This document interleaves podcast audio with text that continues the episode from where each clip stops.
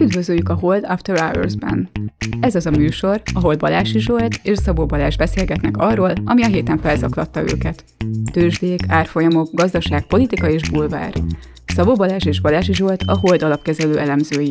Bármi, ami az adásban elhangzik, az az ő vagy vendégeik magánvéleménye, amely nem feltétlenül egyezik a Hold blog és a Hold alapkezelő hivatalos álláspontjával. A műsor szórakoztató célral készült, befektetési döntések alapjául nem kíván szolgálni. A Hold alapkezelő ügyfelei és alkalmazottai egyaránt rendelkezhetnek pozíciókkal az adásban tárgyalt pénzügyi eszközökben. Kedves hallgatóink, ezúttal régóta ígérgetett dögunalmas kriptoadásunkban üdvözlöm Önöket. Balázs most nincs, van helyette Szabó Dávid a 21. századból, és olyan 20 perc erejéig a 20. századi zsidai Viktor is feltűnik. Mivel az adás ígéretünk ellenére nem csak dögunalmas nem lett, de rövid se, ezért két részletben rakjuk majd ki. Az első rész határozottan közérdekűbbre sikeredett, úgyhogy mindenkinek ezt nagyon-nagyon ajánlom, ugyanis ebben nincs szó Ethereumról, meg Ripple-ről, helyett az egész kriptojelenség politikai és társadalmi hatásairól lesz inkább szó, vagy mondjuk arról, hogy miért nem baj az energiapazarlás, valamint Zsidai Viktorral is megbirkózunk, úgy, ahogy. Jó szórakozást! Na hát üdvözlünk mindenkit! Sziasztok! Most Szabó Dáviddal ülünk itt, ugye a dögunalmas adás hajnalán. Dávid, remélem, hogy hoztál sztorikat, ahogy a Crypto Haverid 2017, meg 2020 végén és 2021 elején kriptotörpéket haigálnak kriptodarts táblára, vagy valami, mert ha nem dobjuk fel ilyen sztorikkal ezt, akkor félek, hogy akkor a végére csak anyukád marad hallgatónak, meg négy barátod. Egy kicsit értem, hogy miért hívod ezt a unalmas adásnak, mert a kriptóról most nagyon sok szó van a mindenféle médiumban, de azért lehet, hogy ez nem jó marketing, de végül is nem is olyan nagy baj, mert Elon Musknak is van egy boring kampania, és végül is akkor az is nagyon unalmas.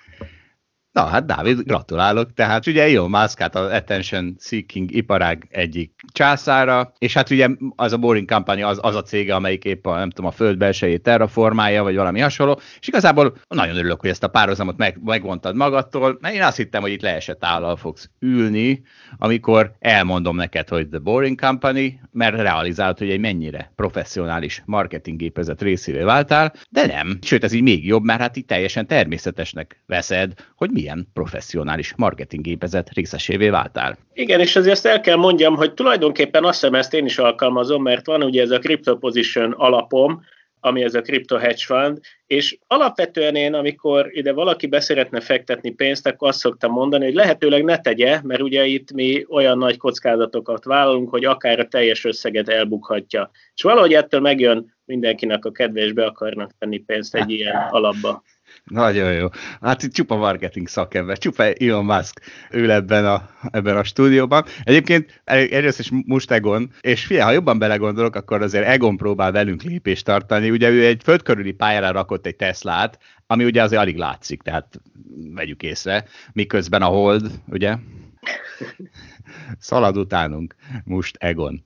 Na Dávid, és akkor térjük vissza egy, egy pillanatra egy korábbi adásunkra, ugye, aminek az volt a címe, hogy az irigy adás, és ahol fejedhez vagdostam a 35 ezeres bitcoint, ami most már 45 ezeres bitcoin, és de az, el kell mondjam, hogy már nem fáj. Most már együtt örülünk, vettem online buddhista órákat, és mind, mindegyek vagyunk a kozmoszban, ami az enyém, az a tied, de akkor ami a tiéd, az az enyém, szólok, és azt tanultam, hogy az a titka, hogy sokat mondogassam, hogy om, meg azt, hogy a kurva életbe. Na örülök, hogy ilyen spiritista lettél.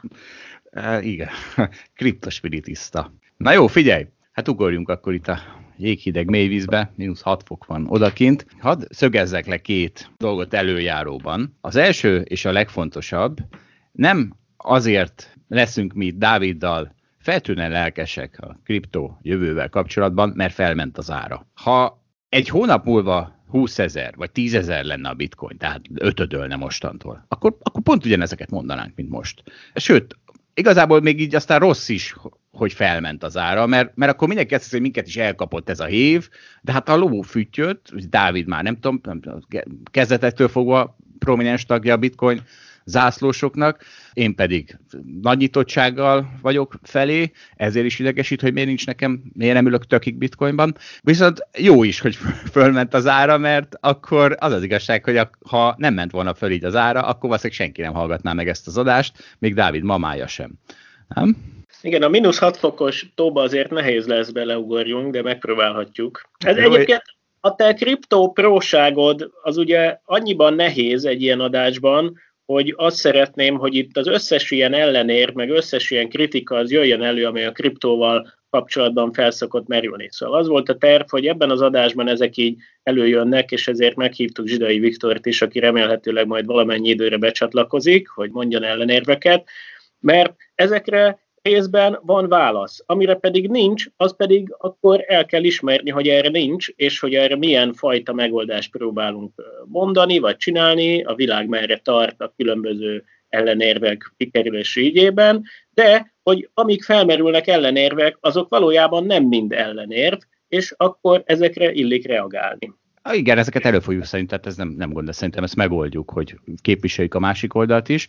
És lesz, szeret, szeretném fektetni még egy második pontot, amire majd többször vissza fogok utalni, mert talán egy kicsit kirántja a szőnyeget, a talajt, a nem tudom micsodát, a nem tudom kik lába alól, mert én valahogy úgy tekintek most a bitcoinra, hogy van egy alapvető fundamentális értéke, ami abból fakad, hogy egyre többen használják, és egyre inkább digitális arany.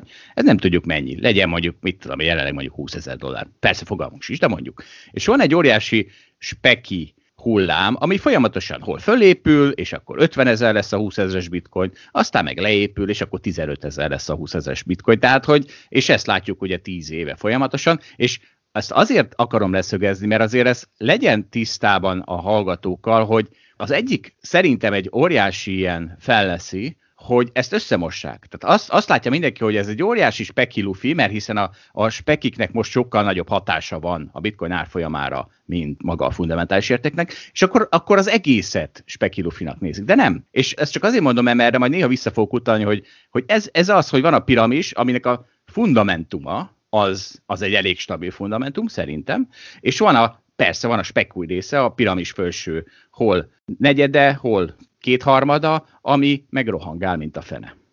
Igen, ezzel egyébként tökre egyetértek, és nagyon gyakran van az, szóval teljes, amit mondasz, az, az szerintem tökéletesen leírja azt, ami történik, vagy történt az elmúlt tíz évben, és nagyon-nagyon gyakran van az, hogy csak a speki részt veszik észre. Ami egy nagyon jelentős rész, tehát hogy ez igaz, de hogy a mélyben meghúzódó folyamatot pedig nehéz letagadni.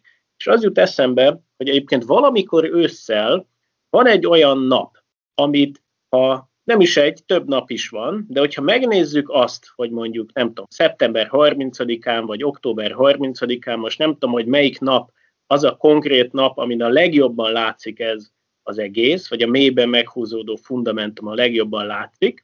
Tehát azt kell csinálni, hogy megnézni azt, hogy minden egyes évben azon a konkrét napon mennyi volt a bitcoinnak az ára. És mondom, létezik egy ilyen nap, amiben lényegében egy tökéletesen szép, egyenletesen felfele menő értéket kapunk. És ez valahogy kiszűri azt a nagy spekit, ami az egész körül van, hogy igen, ez csapkod felfele, csapkod lefele, de a mélyben meghúzó, fundamentális momentum az egyszerűen egy szépen felfelé ívelő egyenes.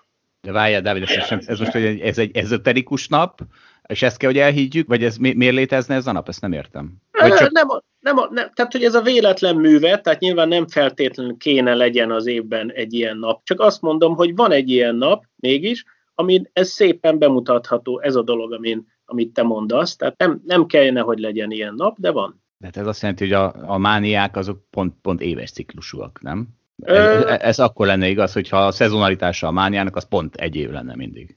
Nem feltétlenül, nem, nem ekkor, vagy nem feltétlenül van ez így, csapkod jobbra-balra, és egyszerűen kiválasztatunk egy olyan napot, amikor a speki csapkodás, ez pont nem olyan erőteljes, legalábbis hihetjük ezt. Szerintem majd ezt nézd meg, vagy keres, keres egy ilyen ábrát, és azt tedd be az adás végi ábragyűjteménybe. Nézd majd meg. Szerintem Jól van. Na hát figyelj, egyszerre van, egyszerre van kriptoadásunk, meg ezoterikus adásunk.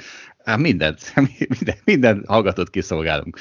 Na és akkor most akkor, akkor még inkább vágjunk bele, mert tehát az a helyzet, hogy ugye Balázsral is a rendes, ez egy külön kiadás lesz ez a műsorunk, a, ahogy az ilyen szakmai, vagy ilyen rész, részpiacot érintő témákat általában külön kiadásba szoktuk száműzni. Ezért azokkal a dolgokkal, amikkel a rendes adásban is sokat szoktunk foglalkozni, jegybanki pénznyomda, hogy az hogyan veri fel a különböző eszközök árait, és ennek hogy lesz a kriptó is a nyertese. Meg persze hát a jegybanki pénznyomda az maga a pénzt cseszi szét per pillanat, és ezért egy alternatív pénznek ez különösen vonzó. Szóval ezekről megpróbálunk nem foglalkozni, és, és tényleg a, a, az olyan dolgokkal fogunk foglalkozni, amit túl szakmainak tartanánk egy rendszeres adásban. Úgyhogy kezdjük azzal, hogy akkor végigmegyünk egy ilyen a szokásos kritikákon és ellenérveken, és hát kezdjük az elsővel. Ugye ezt még Viktor is fölvetette. Ugye Viktornak az volt a állítása három éve. Szerintem ez már akkor is Meg nagyon maradi volt, hogy a bitcoin egy rossz megoldás egy nem létező problémára, és kezdjük azzal, hogy mire megoldás. Szóval kezdjük az, hogy mire megoldás ez, mert ugye ezt már beszéltem, hogy nagyon elvitte a figyelmet a drágulás, és akkor, hogy ez egy buborék ez az egész, de nem, mert itt van egy, van egy alapvető fundamentum, ami valamire megoldás, és ugye vannak ezek a bitcoin agyviarok, vagy kriptó agyviarok, amiket ti szerveztek, és én is részt rajtuk venni, és figyelj, hogy egy-két éve ezekkel, ezeknek új, az volt a az volt a struktúrája, hogy egy 10-20 percig tudtam figyelni, mert addig volt arról szó, hogy mi, van, mi a helyzet a szabályozással, hogy mi a helyzet egy ilyen nagy szemüvegen keresztül, és aztán utána maradék 30-40 percben, vagy nem tudom mennyiben, arra fókuszáltatok, hogy milyen technológiai megoldás jön épp a nem tudom mire, és akkor azonnal ez engem már nem érdekelt, mert nem is nagyon értettem. De most ez, ez nálatok is már elborult. Tehát szerintem nál, titeket is elvitt ez a buborékmánia, és nagyon kicsi a technológiai rész, amit nem bírok követni, és egy simán 50 percig arról beszélgetünk, hogy mi van az árfolyammal, arról beszélgetünk, hogy milyen mutatókat tudtok arra találni, hogy mi lesz az árfolyammal. Szóval egy ilyen, ti is egy ilyen pénzügyi eszközként sokkal inkább kezelitek most, mint egy-két éve. Ezt mivel véded? Hát azt hiszem azzal, hogy, hogy nagyon sok minden van. Tehát azért foglalkozunk a technológiával, de régebben valóban többet foglalkoztunk, valószínűleg azért, mert egyébként kevesebb dolog történt, úgymond a piacokon, tehát hogy kevesebb látványos esemény volt, kevesebb olyan híreket kellett feldolgozni és értelmezni, hogy akkor Elon Musk az vesz, nem tudom, egy csomó bitcoint, és akkor ebből mi következhet, és tehát, hogy, hogy rengeteg ilyen esemény történik most a világban, tehát most egy kicsit valóban jobban fókuszálunk erre, és egyébként ez nem jó. Ezt a fókuszt, és egyébként ezt jó is, hogy mondod, ezt a fókuszt, ezt valamennyire majd vissza kell billenteni abba az irányba, hogy a technológiával foglalkozzunk. De egyébként ennek az egésznek van egy ilyen ciklusa. Tehát amikor, amikor 2017-ben volt az a legutóbbi nagy mánia, az nagyon el tudja vinni a fókuszt az alapmunkáról. Tehát, hogy a saját magamon is érzem, hogy akkor így sokkal több ilyen interjú felkérés van, akkor sokkal többen keresnek azzal, hogy, hogy hű, mi az egész, és, és erről nekem így többet kell beszéljek és foglalkozzak ilyesmivel. És az összeomlás az arra jó, hogy utána elterelődik onnan a figyelem, és vissza lehet térni egyébként a, az alapokhoz. És lehet foglalkozni tehát ak- akkor lehet igazán dolgozni, amikor egyébként senki nem kíváncsi rád, mert akkor van időd ezekkel a dolgokkal foglalkozni, és akkor például van ideje az embernek felépíteni egy kripto hedge fundot semmiből. Ezt most nehéz lenne ebbe belekezdeni. Ja, ebben a hangulatban nehéz. és na figyelj, azért, hogy valami nagyon kézzelfogható fundamentumot adjunk, hogy mire válasz ugye ez az egész blokklánc technológia, mondd el légy szíves ezt az értékek versus információ internetje, mert szerintem az nagyon jól megfogja a lényegét. Oké, okay, de azt csak mondom, hogy csak az egyik fele a sztorinak, de szívesen elmondom. Tehát, hogy az ide vonatkozó tanmes az ugye úgy szól, hogy a, az internet, ahogy mi ezt eddig ismertük, vagy a bitcoin előtti internet, az valójában az adat internete volt. És mi egymásnak tudtunk küldeni információt, vagy adatot közvetlenül, meg mindenki mindenkinek tudott adatot küldeni, de más nem. Tehát értéket nem tudtunk közvetlenül egymás zsebébe áttolni az interneten keresztül, ahhoz mindig igénybe kellett venni valami harmadik fél szolgáltatását, de tehát az valóban igaz, hogy be tudtunk lépni a netbankunkra, és akkor megbízást adni az átutalásra, de akkor már valami bonyolult banki háttérrendszerrel kerültünk kapcsolatba, és igazából az végezte el az átutalást. Várjál, mert, várjál, bocs, mert azt hiszem kihagytad a kulcsot, tehát, mert az a másolás internetje volt. Azt hiszem, ez, ez, Aha, ugye? ez jó, ez jó, oké. Okay. Tehát valóban az internet ugye úgy működött, hogy igazából lemásolt dolgokat, nekem volt valami adatom, és azt át tudtam küldeni neked, és akkor ez az adat nálad is megkeletkezett, de nálam is megvolt, ezután meg nálad is, ami azt jelentette, hogy hát így bizony egy ilyen elvre, ilyen működésmódra nem lehet érték átutalást alapozni, hogyha nekem van egy forintom, és azt lettem másolni, és neked is meg lesz, akkor bizony az a forint nagyon hamar el tud inflálódni. És a bitcoin ezt a problémát oldotta meg, tehát én úgy tudok most neked elküldeni egy bitcoint. Ezt a blokklánc oldotta meg, nem? A blokklánc, és annak is egy ilyen decentralizált változata, mert most már ugye a blokkláncot használják mindenféle más struktúrában is, ahol nem kell feltétlenül ez a decentralizált működésmód, de valóban a blokklánc az azt oldotta meg, hogy én úgy el tudok küldeni neked egy bitcoint, hogy miután én elküldtem, az nekem már nem lesz meg.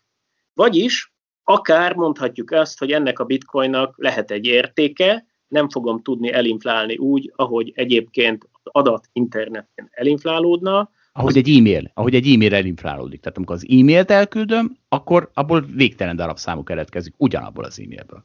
Így van. Bitcoin, így. ha elküldöm, abból nem szabad, hogy annyi darabszám keletkezzen, abból mindig egynek szabad csak lennie. Így van. Tehát ha van egy ilyen rendszerünk, akkor ezeknek a dolgoknak lehet értékük, mert nem tudjuk elinflálni őket. És önmagában, hogy ez lehetséges, az egy nagyon-nagyon fontos tudás, és erre egy csomó mindent aztán rá lehet húzni, fel tud épülni az értékek internet. Ez a sztori együtt fele, tehát hogy ha az egészet egy ilyen nagyobb vagy tágabb perspektívába helyezzük, akkor akik ezen a problémákon dolgoztak, az ilyen problémákon dolgoznak, vagy dolgoztak, kriptográfusok és ilyesmi szakemberek, még évtizedekkel korábban akár, tehát a 90-es években, meg a 2000-es években, nekik olyan alapproblémájuk van, hogy itt van a társadalmunk, és ez egy rosszul megtervezett rendszer. És az alapvető baj az az vele, hogy ugye sok embernek valamilyen módon kell egy koordinált módon közösen cselekedni, tehát erről szól például egy ország, hogy annak vannak törvényei, és azt gondoljuk, hogy ettől, ettől összességében jobb lesz nekünk, mert hogyha vannak törvények, amihez mindenki tartja magát, akkor, akkor hatékonyabban tud működni egy rendszer. Tehát mi történik valójában? Az történik, hogy a nép az lemond az önrendelkezésének egy részéről, adót fizet, és egyébként felruház néhány embert hatalommal, és egyébként ad nekik egy csomó pénzt azért, hogy az érdekükben járjanak el és koordinálják ezt az egészet. És az alapvető baj ezzel a felépítéssel az az, hogy ebből tipikusan visszaélések sorozata szokott születni. Tehát a hatalommal felruházott emberek valahogy nem ezzel a bizalommal jól élnek, hanem ezzel tipikusan visszaélni szoktak, és csak szét kell nézni a világban, hogy, hogy mi történik, és milyen országok vannak, és azoknak milyen vezetőik vannak. Persze, ez mindig így volt, tehát a, tegyük hozzá, ez, ez mindig így volt. Így van, van, ez mindig így, de éppen ezt mondom, hogy ez nem egy jó mondás, hogy hát ez van, hanem az a mondás, hogy a 21. században ezt meg lehet oldani jobban, ezt a rosszul megtervezett rendszer meg lehet oldani jobban, és Tulajdonképpen erre született meg a bitcoin, hogy ezzel a problémával elkezdjen foglalkozni. És hogyan lehet ezt jobban megoldani? Az alapvető elv emögött az úgynevezett trust minimization, vagyis hogy a bizalom minimalizációja, egyszerűen nem tudjuk elkerülni azt, hogy valóban hatalommal ruházunk fel embereket, de azzal tudunk valamit kezdeni, hogy mennyi hatalommal ruházzuk őket fel. Tehát a lehető legkevesebb bizalmat kell megszavazni embereknek, hogyha nem muszáj, akkor ne adjunk kezébe mindenféle hatalmat, jogot, meg előjogot, mert úgy látjuk, hogy az nem szokott jól elsülni. És egyébként nem csak országok vezetőiről van szó, hanem mindenfajta centralizált rendszer szeret így működni, szeret visszaélni a hatalmával szeres más célokat követni, nem kell feltétlenül nagyon súlyos dolgokra gondolni, de mondjuk nem tudom, tehát hogy a, a központi bankok, vagy bármifajta felügyeletek, ahol hatalom koncentrálódik, ott valahogy tipikusan nem az van fókuszban, amiért ez a dolog eh, létrejöjjön. Nem az van fókuszban, hogy a társadalom egyre jobban éljen, hanem általában az van fókuszban, hogy ez a hatalom birtokosa egyre jobban éljen. Igen, hát valamilyen szinten a saját célját elégítse ki. És akkor ez az egész ilyen bitcoin, de és akkor itt egy csomó mindenre lehet gondolni. Tehát lehet arra gondolni, hogy, hogy Bernie Madoff az évtizedeken keresztül csalt, és igazából nagyon sokan sejtették, hogy csalt, de a felügyelet, az amerikai felügyelet ezzel nem kezdett semmit, és akkor egyszer csak az egész így lett vagy a Wirecard botrányra visszautalok, ami tavaly volt, hát ott a német felügyelet az próbálta ellehetetleníteni az újságírókat, akik egyébként ki akarták deríteni azt, hogy mi milyen sötét ügyleteket csinál a Wirecard. Vagy a, nem tudom, a magyar felügyelet az évtizedeken, vagy másfél évtizeden keresztül hagyta, hogy a Questor botrány felépüljön, és nem tudom egész pontosan, hogy miért, vagy hogyan nem, de végül is ez tény, hogy nem történt semmi, és akkor 15 év után bedölt az egész sztori. Tehát látjuk azt, hogy itt, itt vannak rossz példák. De ugye most itt arról van szó, tehát itt, itt azzal van a probléma, hogy emberek működtetik ezeket az embereknek való rendszert, ugye ez mind annak a következménye, hogy az ember az önző, stb. De ezek szerintem most akkor megoldottuk a bitcoinon keresztül, hogy kivegyük az embert az irányításból, ugye? Mint az önvezetés. Valamilyen értelemben igen. És nyilván a társadalom egy bonyolult rendszer, tehát nem azt mondom, hogy, hogy az irányításból tökéletesen ki lehet venni az ember. De egy csomó dolog az nem olyan bonyolult. Tehát az, hogy egy cégnek a könyvelése, vagy hogy hiányzik-e két milliárd dollár, vagy nem hiányzik két milliárd dollár az adott cég könyvéből, az nem egy bonyolult kérdés. Ahhoz nincs szükség emberre. Ezek tudnak most már a 21. században tudnak önműködően működni, tehát most már önműködően lehet auditálni egy könyvelést. Igazából, nem tudom, a Wirecardnál valami ilyesmi volt a probléma, hogy valami nagyon távoli ázsiai országban, akkor ott van-e két milliárd dollár egy adott bankszámlán, és akkor ezen ment a munka, vagy a, a nyöglődés, hogy akkor vajon az tényleg ott van-e, vagy nincsen. Hát ez nem kérdés egy ilyen blokklánc világban. Hát meg kell nézni az adott címát, és ott van, vagy nincs ott. Nem kell ezen hatalmas pénzekért egy auditor cégnek dolgoznia évekig. Rosszul. És akkor egy Rosszul. ideig elfogadja, és egy idő után már nem. Valahogy ez, a, ez az egész blokklánc, és a, az, hogy ezek trustless rendszerek legyen, ne igényeljenek bizalmat, ne kelljen megbíznunk mindenféle harmadik félben, az arra a alapvető problémára reakció, hogy a társadalom rendszere rosszul van megtervezve túlságosan sok hatalmat adunk át emberek kezébe, olyan hatalmat, amire, amit nem lenne szükség átadni. Ezt meg lehet oldani jobban is. Persze, akkor rögtön eszébe az embernek a hátulütője, hogy azért akkor itt is egy óriási bizalmat szavaztál egy rendszernek, hogy az majd jól fog működni, amiben aztán kiderül, valamikor egyszer csak kiderül, hogy mégiscsak gebasz volt, akkor viszont sokkal nagyobb baj lehet, mint hogyha az emberek által irányított rendszert, az folyamatosan agyusztálni lehet. Hát ki, ki mitől fél jobban, nem?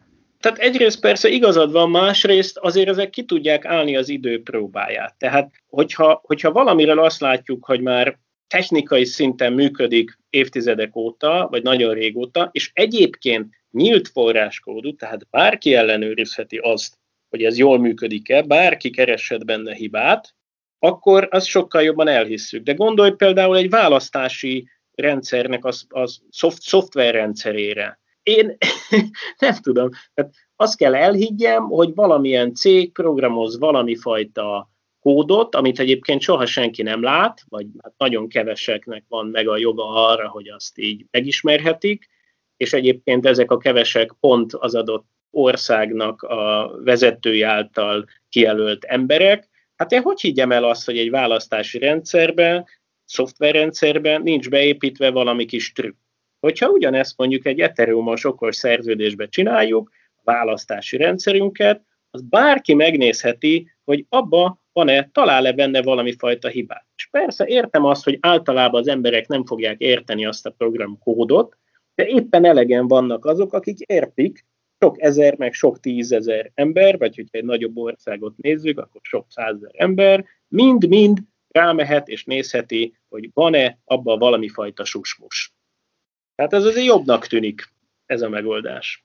Na jó, figyelj, kicsit közeledjünk vissza a Földhöz, mielőtt megoldjuk az egész társadalmat. Egy ellenérv, amit mindig a bitcoin fejéhez vágnak, az az energiapazarlása.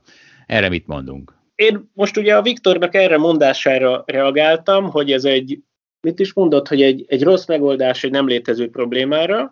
Én, én most azt mondtam, hogy ez a probléma létezik, és aktuálisan ez a leges-leges legfontosabb probléma a világon, az, hogy hol tudunk még hatékonyabban működtetni a társadalmunkat, gazdaságunkat, akkor egy nagyon-nagyon egyértelmű válasz az, hogy hol, úgy, hogy egyébként kevesebb bizalmat adunk a vezetőink kezébe, kevesebb hatalmat adunk az ő kezükbe, és amit nem muszáj, azt megoldjuk máshogy, nélkülük. Jó, jó várják, okay. ezt még hadd egészítsem ki egy, egy bekezdéset. Tehát azért ez egy elég grandiózus probléma, amire ez egy mondjuk, hogy elég grandiózus megoldás. Azért van egy testhez álló probléma, ugye ez az a, hogy a jegybankok elinflálják a pénzt, és az aranyat pedig csak el lehet ásni, és ezért van egy olyan piaci rés, ahova mondjuk a bitcoin benyomulhat, mert független lesz a központi hatalmaktól, és ásósebb kell hozzá. Szóval a, ugye az is egy létező probléma, és elhisszük, hogy a Viktornak nem létezik, mert ő megbízik, eléggé megbízik a jegybankokban, meg eléggé megbízik az aranyban, vagy örül neki az aranynak, de vannak rengetegen a világban, akik mondjuk Venezuelában, vagy Szíriában, vagy Kínában, vagy Oroszországban élnek, és nekik nem az a cél, hogy el tudják ásni a vagyonukat, hanem az a céljuk, hogy föl tudjék lőni a világűrbe a vagyonukat, és aztán, ha ki sikerül kijutniuk a határon egy civilizált országba, akkor leszívhassák a világűrből a vagyonukat. Tehát ugye a bitcoin az erre egy megoldás, és igen, szerencsénkre mi nem olyan országban élünk, ahol ez különösebben fenyegetne, de a világ nem tudom mennyi. Attól függ, hogy mennyire szigorúan veszük az országokat, lehet, hogy egy, de lehet, hogy 10%-a olyan helyen él, ahol bizony ez valós fenyegetés. Szerintem sokkal nagyobb azoknak az aránya, akik ilyen helyen élnek, de igazából mi is ilyen helyen élünk, ezt akarom mondani, meg bárki ilyen helyen él, tehát amíg az amerikai elnök, hogyha én neki nem vagyok szimpatikus, ő igazából engem letülthat a világról. Értem, hogy valószínűleg nem fog, de hogy valakit meg, tehát ez egy fenyegetés. Ez egy olyan dolog, amivel néha az amerikai elnök meghűlnek, és néha élnek vele, és érted, hogyha én nem vagyok szimpatikus egy rendszernek, akkor engem a rendszer el tud lehetetleníteni. Tökéletesen. Akkor is, hogyha én egy kulturált nyugati országban élek, van, hogy erre éppen kevesebb az esély a történelem bizonyos időszakában, és van olyan ország, ahol erre kevesebb az esély, de egyébként ez egy ez egy olyan dolog, ami, ami ott van, ami valójában ott lebeg, és azzal csak áltatni, tehát hogy ez egy áltatás, hogy, hogy ez minket nem érint.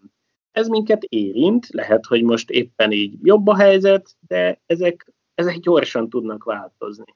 És ez számtalanszor megtörtént már a történelem folyamán, és fog is.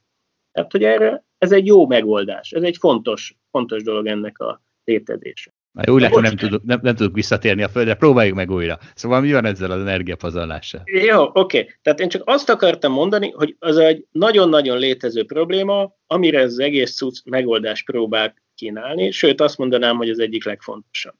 És a másik fele, az pedig az, hogy igen, ez sok villanyáramot használ fel.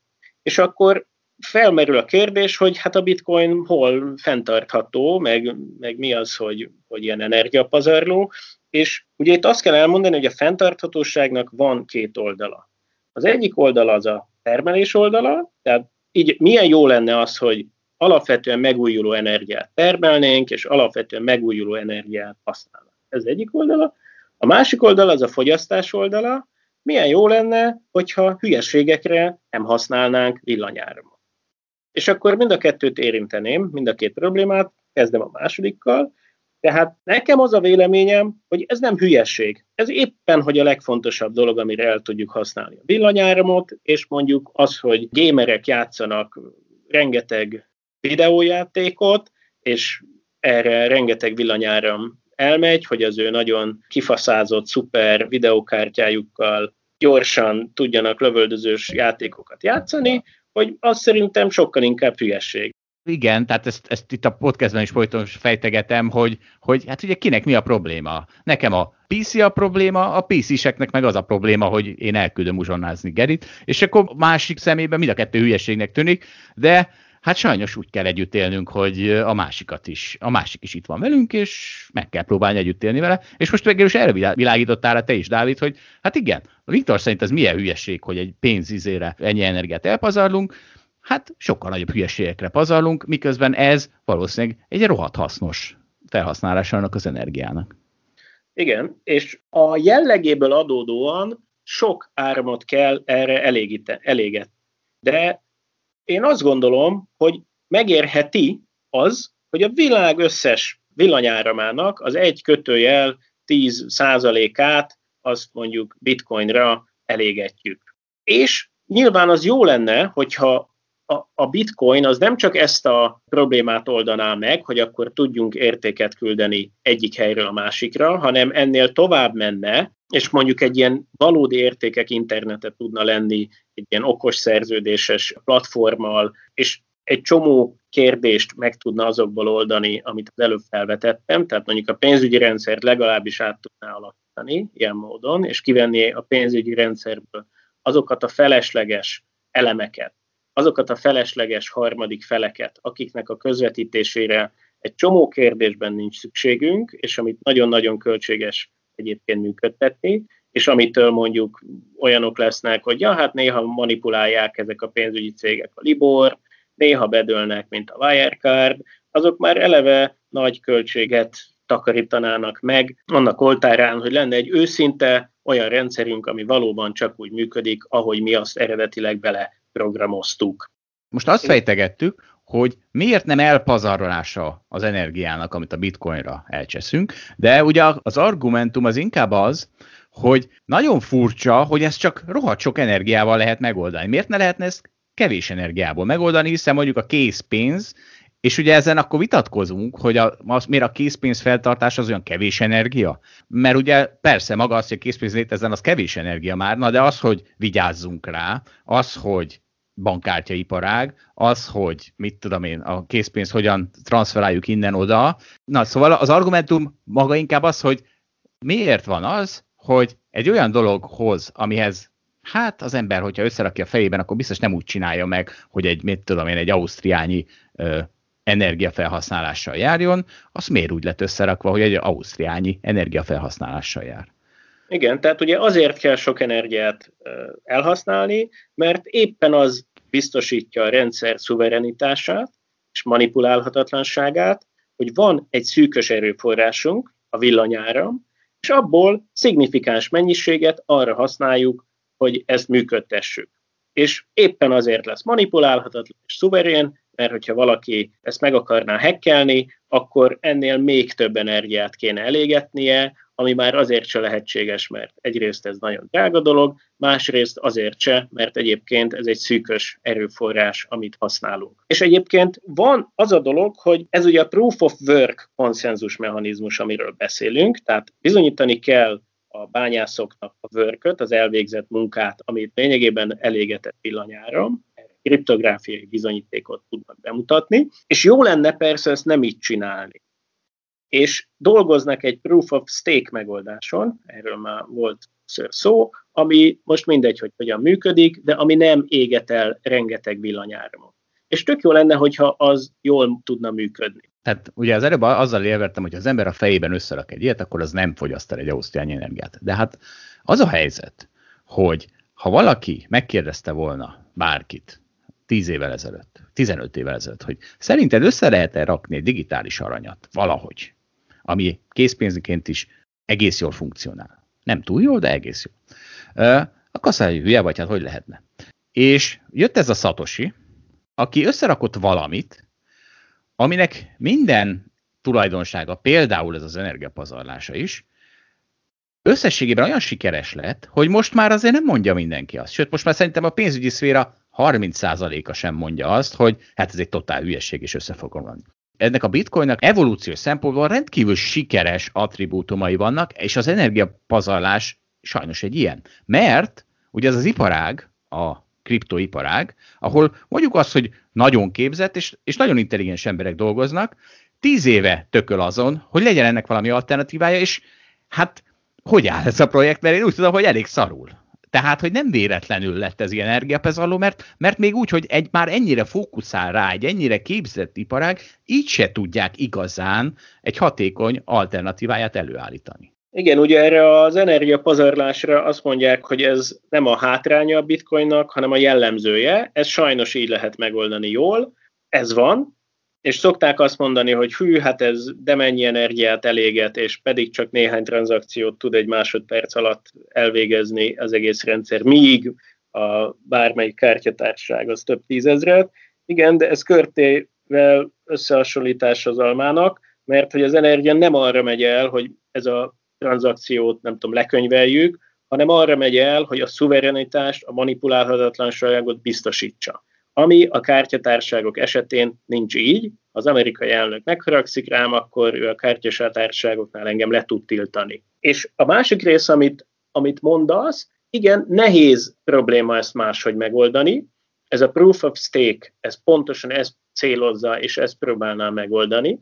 És ilyen rendszerek egyébként vannak, és tök jó lenne, hogyha ez, ez működne, vagy viszonylag jól működne, és valamennyire működik is, tehát számos projekt, számos működő projekt is ezt használja, ezt a megoldást, de van ennek egy hátránya.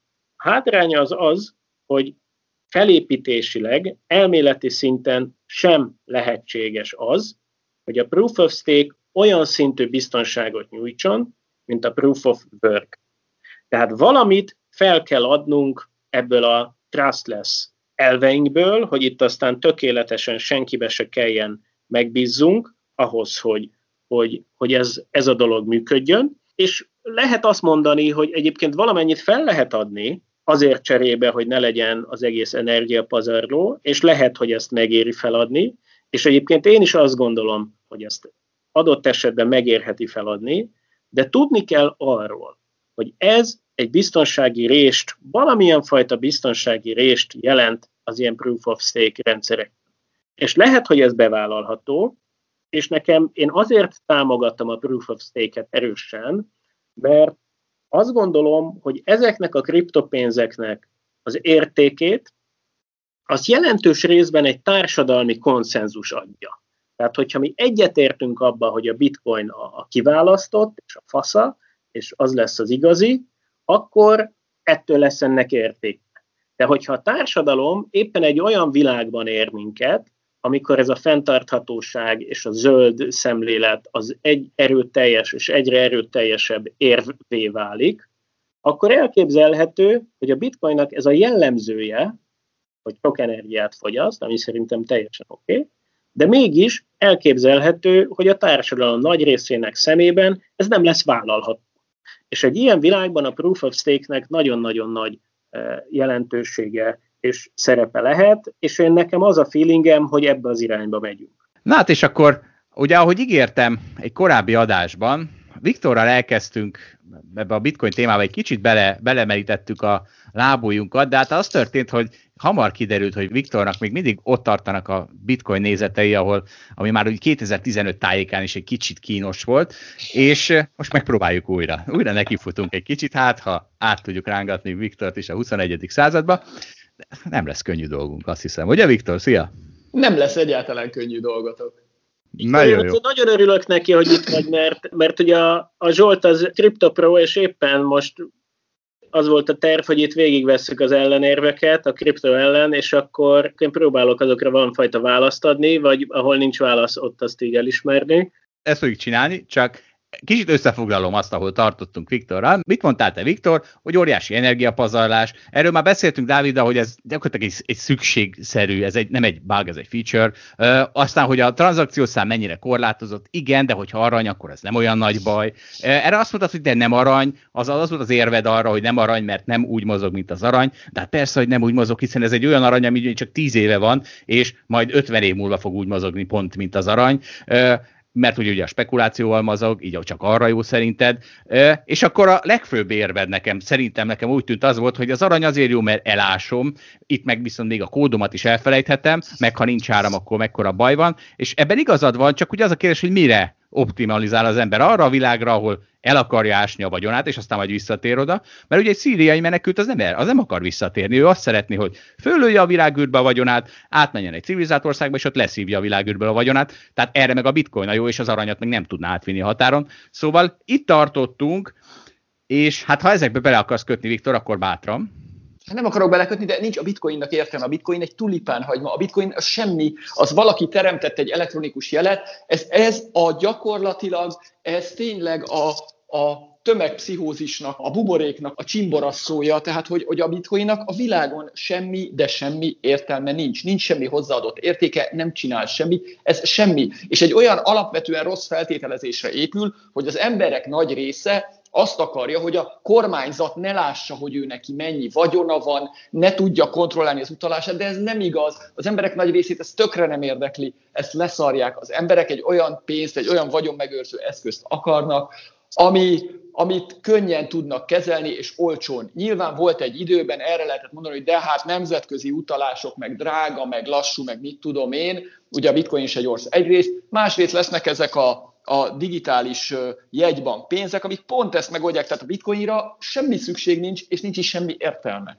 Ez a véleményem. Ennek ellenére természetesen tök jó lett volna, hogyha megveszem 2019. februárjában 4000-en és most 40 ezerre fölmegy, tehát spekulációra kiváló eszköz, csak nincs értelme csak tehát ezeken végigmentünk, ezeket a Viktor, ezek az a, hogy nem, a, nem az a lényeg, hogy az emberek nagy részének szüksége legyen rá. Az emberek nagy részének svájci frankra sincs szüksége, mégis nagyon jól el van az a svájci frank. Tehát, hogy az De az Zsolt, lényeg... ez, ez, nem jó hasonlat, a svájci frank az egy fizetőeszköz, amit Svájcban használnak. Ez meg egy fizetőeszköz, amit egy De csomó nem, ember... Ez, ne, ne, ne, ne, Zsolt, szar, nem, szar, nem, Viktor, nem, szar. Nem, nem, nem, Zsolt, ez nem fizető eszköz, ez egy spekulatív eszköz. Ennek ezért tegnap egy Teslát tudtál venni, ma fél Teslát tudsz venni, holnap meg kettő Teslát tudsz belőle venni. Ez az nem is. fizetőeszköz, ez egy spekulatív. A svájci frank az nem is. ilyen. A svájci frankért bemész, és tegnap is nem tudom, 30 fenig volt, vagy nem tudom mi a váltó pénze egy kifli, és holnap is annyi lesz. A svájci ez frank egy spekulatív eszköz, hát romba döntött egy szegény devizait Nem, nem, nem. Na jó, oké, mondja Dávid.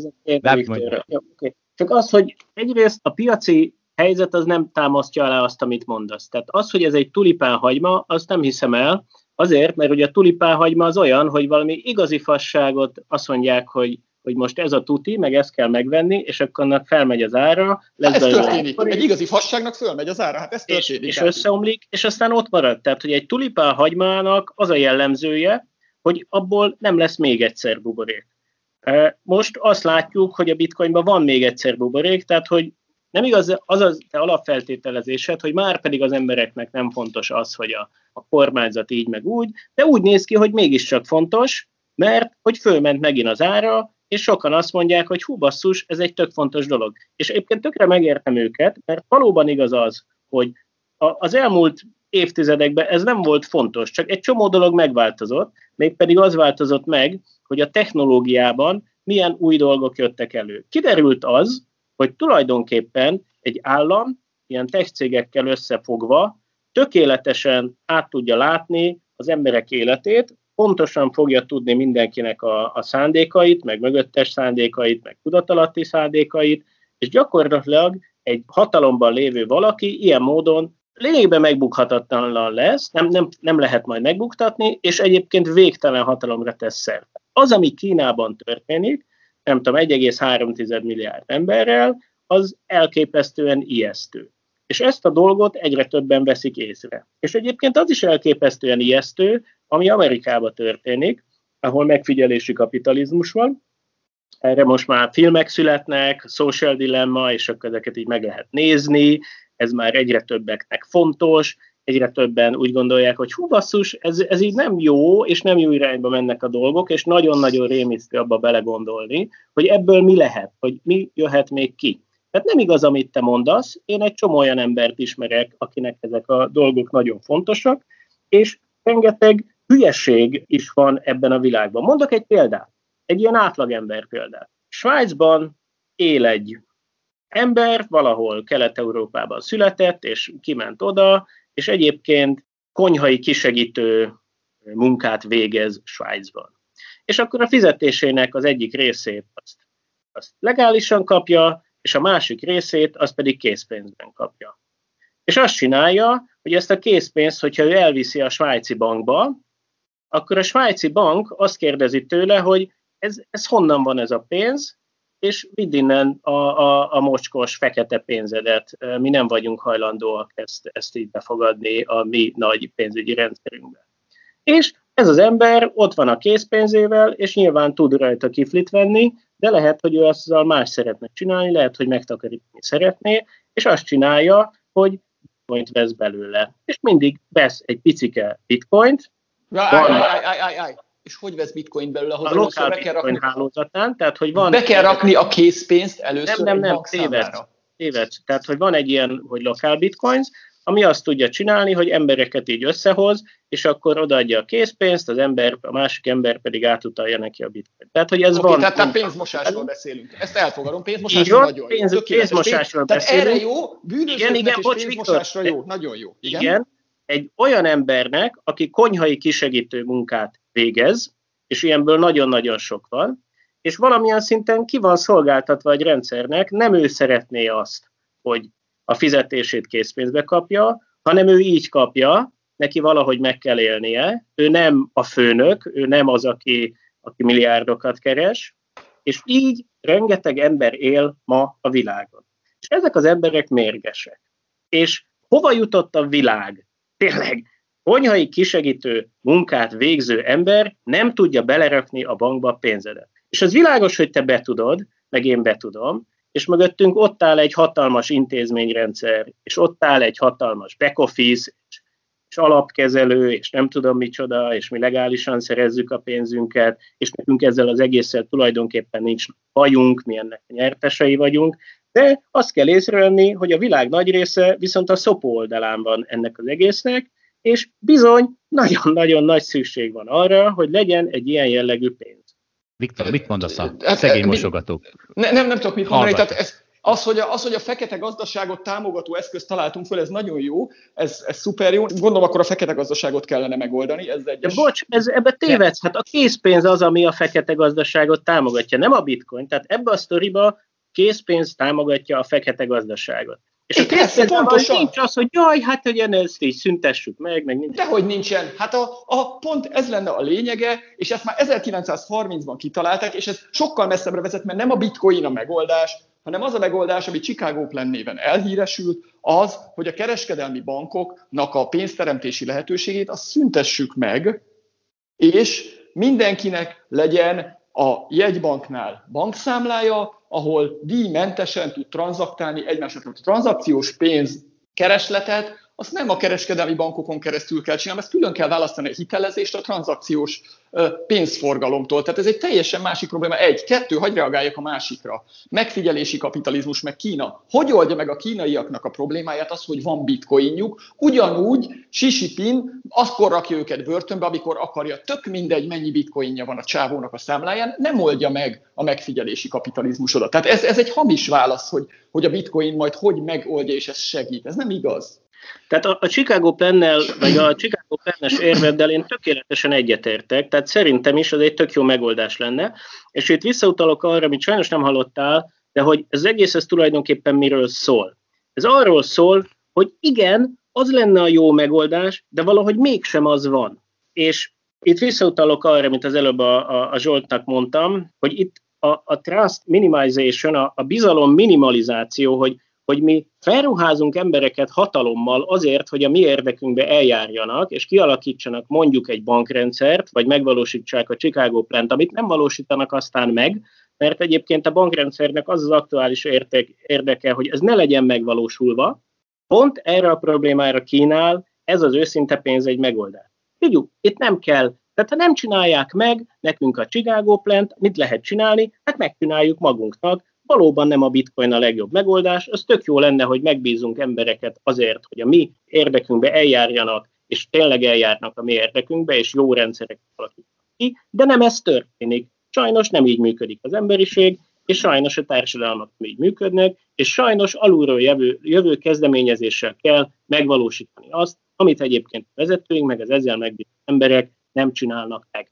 Csak várjál, hagyd csatoljak, hagyd mondjak erre valamit. Ugye pontosan, igen, ha ők nem csinálják meg, akkor te megcsinálod, de ennek van egy másik visszacsatolása. Miután te megcsinálod, ők rákényszerülnek, hogy ők is megcsinálják, és utána értelmét fogja veszíteni a bitcoinod. Csak az nem baj. Akkor ugye mi váltotta ki, hogy megcsinálják, hogy lett egy bitcoin. Tehát, hogy akkor nem mondhatjuk azt, hogy hülyeség. Azt mondhatod, hogy és akkor össze fog zuhanni az ára, és ezért hülyeség, de nem, akkor most azt mondhatod, hogy viszont kiváltotta a jegybankoktól, kormányoktól, bankoktól, hogy csináljanak valamit. Hát láthatóan váltja ki, igen, nézd meg. Na de akkor mégis csak valami, akkor a bitcoin mégsem egy tulipánhagyma, hanem egy kurva hasznos dolog. Hát, de attól még árfolyamában, az... hasznosságában lehet tulipánhagyma. A tulipánhagyma is nagyon hasznos, mert tök szép virágai vannak. Csak nem ér annyit, amennyit adtak érte 1637-ben. Jó, e- ezen bájja Dávid, ezen, tehát ezen már végigmentünk, tehát hogy ugye minek tulajdonít az értéket, a Dávid annak rohadt nagy értéket tulajdonít, hogy jött valami eszköz, ami a jegybankokat átlökte oda, hogy akkor jó, csináljuk meg a Chicago tervet. De várjatok egy picit, tehát most a, itt most megint arról van a szó, hogy igazából hogy ki mitől tart, és ki mit szeretne az életében jobban, meg az emberek életében.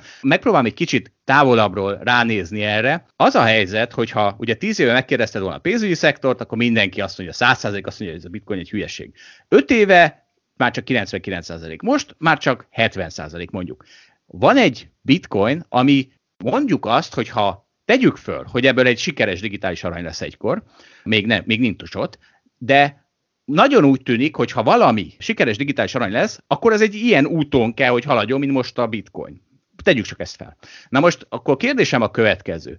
Mikor fogod te azt mondani, vagy mi lesz az, ami neked azt mondja, hogy na jó, elhiszem, nekem is most már úgy tűnik, hogy ez a bitcoin, ez egy hosszú távon esetleg létező dolog, vagy nem pont a bitcoin, hanem lehet, hogy mert lehet, hogy a bitcoin le lesz cserélve egy bitcoin kettőre, ami jobb lesz. Szóval, hogy mitől fogod azt mondani, hogy na jó, fiúk, igazatok volt, tényleg ennek van létjogosultsága, és de jó, hogy van digitális arany. Semmitől, semmitől nem fogom ezt mondani, mert az aranyra is azt gondolom, hogy hülyeség. De az van. Spekulálni, ezt mondom, spekulálni nyugodtan lehet ebbe, lehet longozni, sortozni, mindent csinálhatsz benne, amit akarsz, se az aranynak nincs, az egyébként az aranynak sokkal több értelme, azt még valamire föl lehet használni, a bitcoin végképp semmire nem lehet felhasználni, egyiknek sincs igazándiból értelme. Ezek, igen? Szeretnék érvelni amellett, hogy amit senki nem használ, egy olyan dolognak is hatalmas értelme lehet. Tehát a barátság kőolajvezetéken jön Magyarországra olaj Oroszországból. Nagyjából innen látják el, régebben, lényegében teljesen innen, vagy ezen keresztül látták el Magyarországot olajjal, most nem tudom egész pontosan mi a helyzet, lehet, hogy azóta már így változott, lehet, hogy egy kicsit változtak ezek a dolgok, de egy ilyen helyzetben az emberek, vagy az oroszok annyi pénzt kérnek el az olajért, amennyit csak akarnak. Bármennyit elkérhetnek mert csak on egyetlen beszállítási lehetőségünk van. Amikor megépült az Adria kőolaj vezeték, ahol egyébként soha egy csepp olaj nem jött, de mégis az egésznek hatalmas értelme volt, mert onnantól kezdve nem kérhetnek annyit az olajért az oroszok, amennyit csak akarnak, mert ott van a lehetőség arra, hogy máshonnan is jöjjön olaj. Tehát a bitcoinnak, ha más nem is, még a te érvrendszeredben is, ez az értelme megvan, még ha soha senki nem is használja ezt az egészet, tökre értékes az, hogy létezik, egyszerűen azért, mert nem csinálhatnak bármit meg a központi hatalmak, amit csak akarnak. Ezt elfogadom, oké. Okay. Ennyi értelme van. Nagyon jó. Oké. Okay. Tehát Na. szerintem előre léptünk, nem? Igen. Dávid, te is úgy érzed? Hogy... Igen, igen, igen. Szerintem jó Tehát, helyzet. És ha végül a Viktor most akkor azt mondtad, hogy hát a bitcoin ugyanolyan hülyeség, mint az arany. Hát, hát azért az, az arany, az egy, annak azért van egy óriási társadalmi bázisa.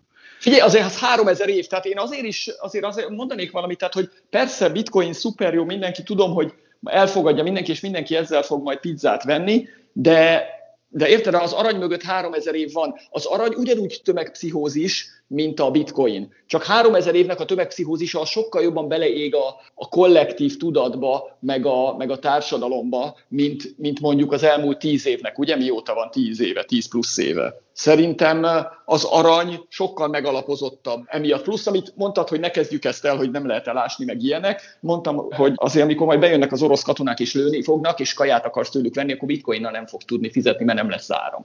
Aranyjal meg tudsz. Tehát szerintem az arany emiatt még ilyen jellegű célokra is sokkal értékesebb, mert sokkal könnyebben tudsz vele tranzaktálni bármilyen gázhelyzetben. Oké, okay. én azt mondanám arra, amit, hogy a, a, az aranynak van egy 3000 éves megalapozottsága, hogy a postai csomagküldeménynek is, vagy levélküldeménynek is van egy sok száz meg ezer éves megalapozottsága, de mégis inkább e-mailt küldözgetek minden nap, pedig az csak 30 éve létezik. Tehát szerintem ez nem állja meg a helyét, hogy ha valaminek nincs, tehát hogyha valaminek van valami érzékelhető nagy előnye, és úgy néz ki, hogy a virtualizáció az egy nagyon erős a világunkban, akkor ennek is lesz egy ilyen, ilyen hatása. A másik, hogy, okay, de, ez, de ez nem jó hasonlat. Hát persze, de nem attól értékes, hogy régóta van. Én azt mondom, hogy attól értékes, hogy az emberek azt gondolják sok ezer éve, hogy ez jó. De akkor szerintem megkaptuk a választ. Viktor, ezer év múlva fogod azt mondani a bitcoinra, hogy na igen. Hát három ezer. Áron Igen, de még Dávid okay. akarta Tehát ezer év múlva az egy légvár, ugye? Jó, oké, Dávid. A másik, a, a másik az, hogy, hogy ez milyen tömegpszichózis, meg hogy az arany is egy tömegpszichózis. Ezzel egyébként alapvetően egyetértek. Én szerintem a világ alapvetően tömegpszichózisra épül, és hogy azok a cégek, amik ma lépteznek, az alapvetően attól értékesek, vagy azok a cégek értékesek, amelyek nagyobb tömegpszichózist tudnak csinálni. Hogyan működik ez a tömegpszichózis? Ez úgy működik, hogy valahogy elültetik a fejedbe azt, hogy te nagyon vágysz a valamilyen szolgáltatásra, neked ez nagyon hasznos, neked arra nagyon-nagyon szükséged van, és aki ezt hatékonyan tudja csinálni, az a cég lesz sikeres, és akkor innentől kezdve lényegében minden részvény árfolyam is annak a, a, az eredője, hogy ki tud hatékonyan tömegpszichózist csinálni. Nekem ez egy nagyon erős meglátása a világról. Nekem a részvények számomra azért nehezebbek, mondjuk ebben a, az egyenletben, vagy ebben a sztoriban, és ezért mondjuk kevésbé szeretem a részvényeket, mert ez egy ilyen bonyolított játék, hogy a tömegpszichózis része a legfontosabb effekt az egészben, de nem az egyetlen, hanem ott még megvan mindennel hintve ez a dolog, hogy Na mindegy, tehát hogy ott egy csomó más dolog is benne van még az egyenletben. Igazából egy részvényt az bonyolultabb értékelni, mint ahol csak a tisztot megfigyelni. Azért ezzel, ezt már, ezzel már sokszor vitatkoztunk, tehát nyilván a hallgatók ezt nem hallották, ez nekünk már lement tízszer ez a vitánk, és akkor visszamegyünk oda, hogy és Dávid, kenyér kell, igen, igen, kenyér kell, hát akkor, és ház kell, hát a ház az azért az azért fizikailag kell. És azért megyünk így följebb, és azért autó kell, és akkor már Dávid előjön, hogy nem, nem kell autó, de hát ezért ezek a cégek, ezek csinálnak valamit, amit használsz, nem tudom, széket, Coca-Colát, sampont, mit tudom én, tehát hogy ezzel én, én soha nem tudtam egyetérteni ezzel az érveléssel, hogy... Azért, amit, amit te mondasz most, bocsi, az az, hogy itt ilyen dolgokat hozol fel, ugye a modern világnak, a nyugati országoknak a 70%-a szolgáltatásokból áll, és eleve a szolgáltatásoknak egy jelentős részére nem biztos, hogy szükség van, másrészt pedig azért nagyon alapvető dolgokat mondasz, hogy milyen tárgyakra van szükség. De mondhatnám, mondhatnám azt, hogy az Amazon kiküld nekem dolgokat, amire szükségem van. Mondhatnám, hogy a Google-ből információkat szerzek meg, nő a tudásom, erre is szükségem van. De az, hogy a bitcoinom legyen, az tényleg az semmi, tehát hogy az nem, nem létezik. Ez semmi. Az egy elektronikus jel, az, az tényleg semmi. Tehát, hogy okay. most ezt mondhatjuk, hogy minden tömegpszichózis, és a végső filozófikus értelmében igen, az, mert végül is tök jó, hát napi egy tál is el lehetne az ember, tehát, hogy igen, de azért mégsem. Akkor figyelj, gratulálok magunknak, fiúk, nagyon magasra jutottunk itt a porban, poroszkálás után. Köszönjük szépen, hogy Viktor, hogy velünk voltál. Szia! Sziasztok! Szia, Viktor! Nos, akkor kedves hallgatóink, ez volt az első rész. Egy hét múlva jön a második, abban már technikai dolgok is előkerülnek, mint Tether, Ethereum, Ripple, miért nem igaz az az állítás, hogy kriptodevizából akármennyit lehet kreálni, tehát a bitcoin kínálata mégsem véges, vagy miért kell, vagy nem kell a jegybankoktól tartani, mi a helyzet a Facebook kriptopénzével, és Dávid kripto hedge is beszélgettünk. Reméljük újra találkozunk. A viszont hallásra. Thank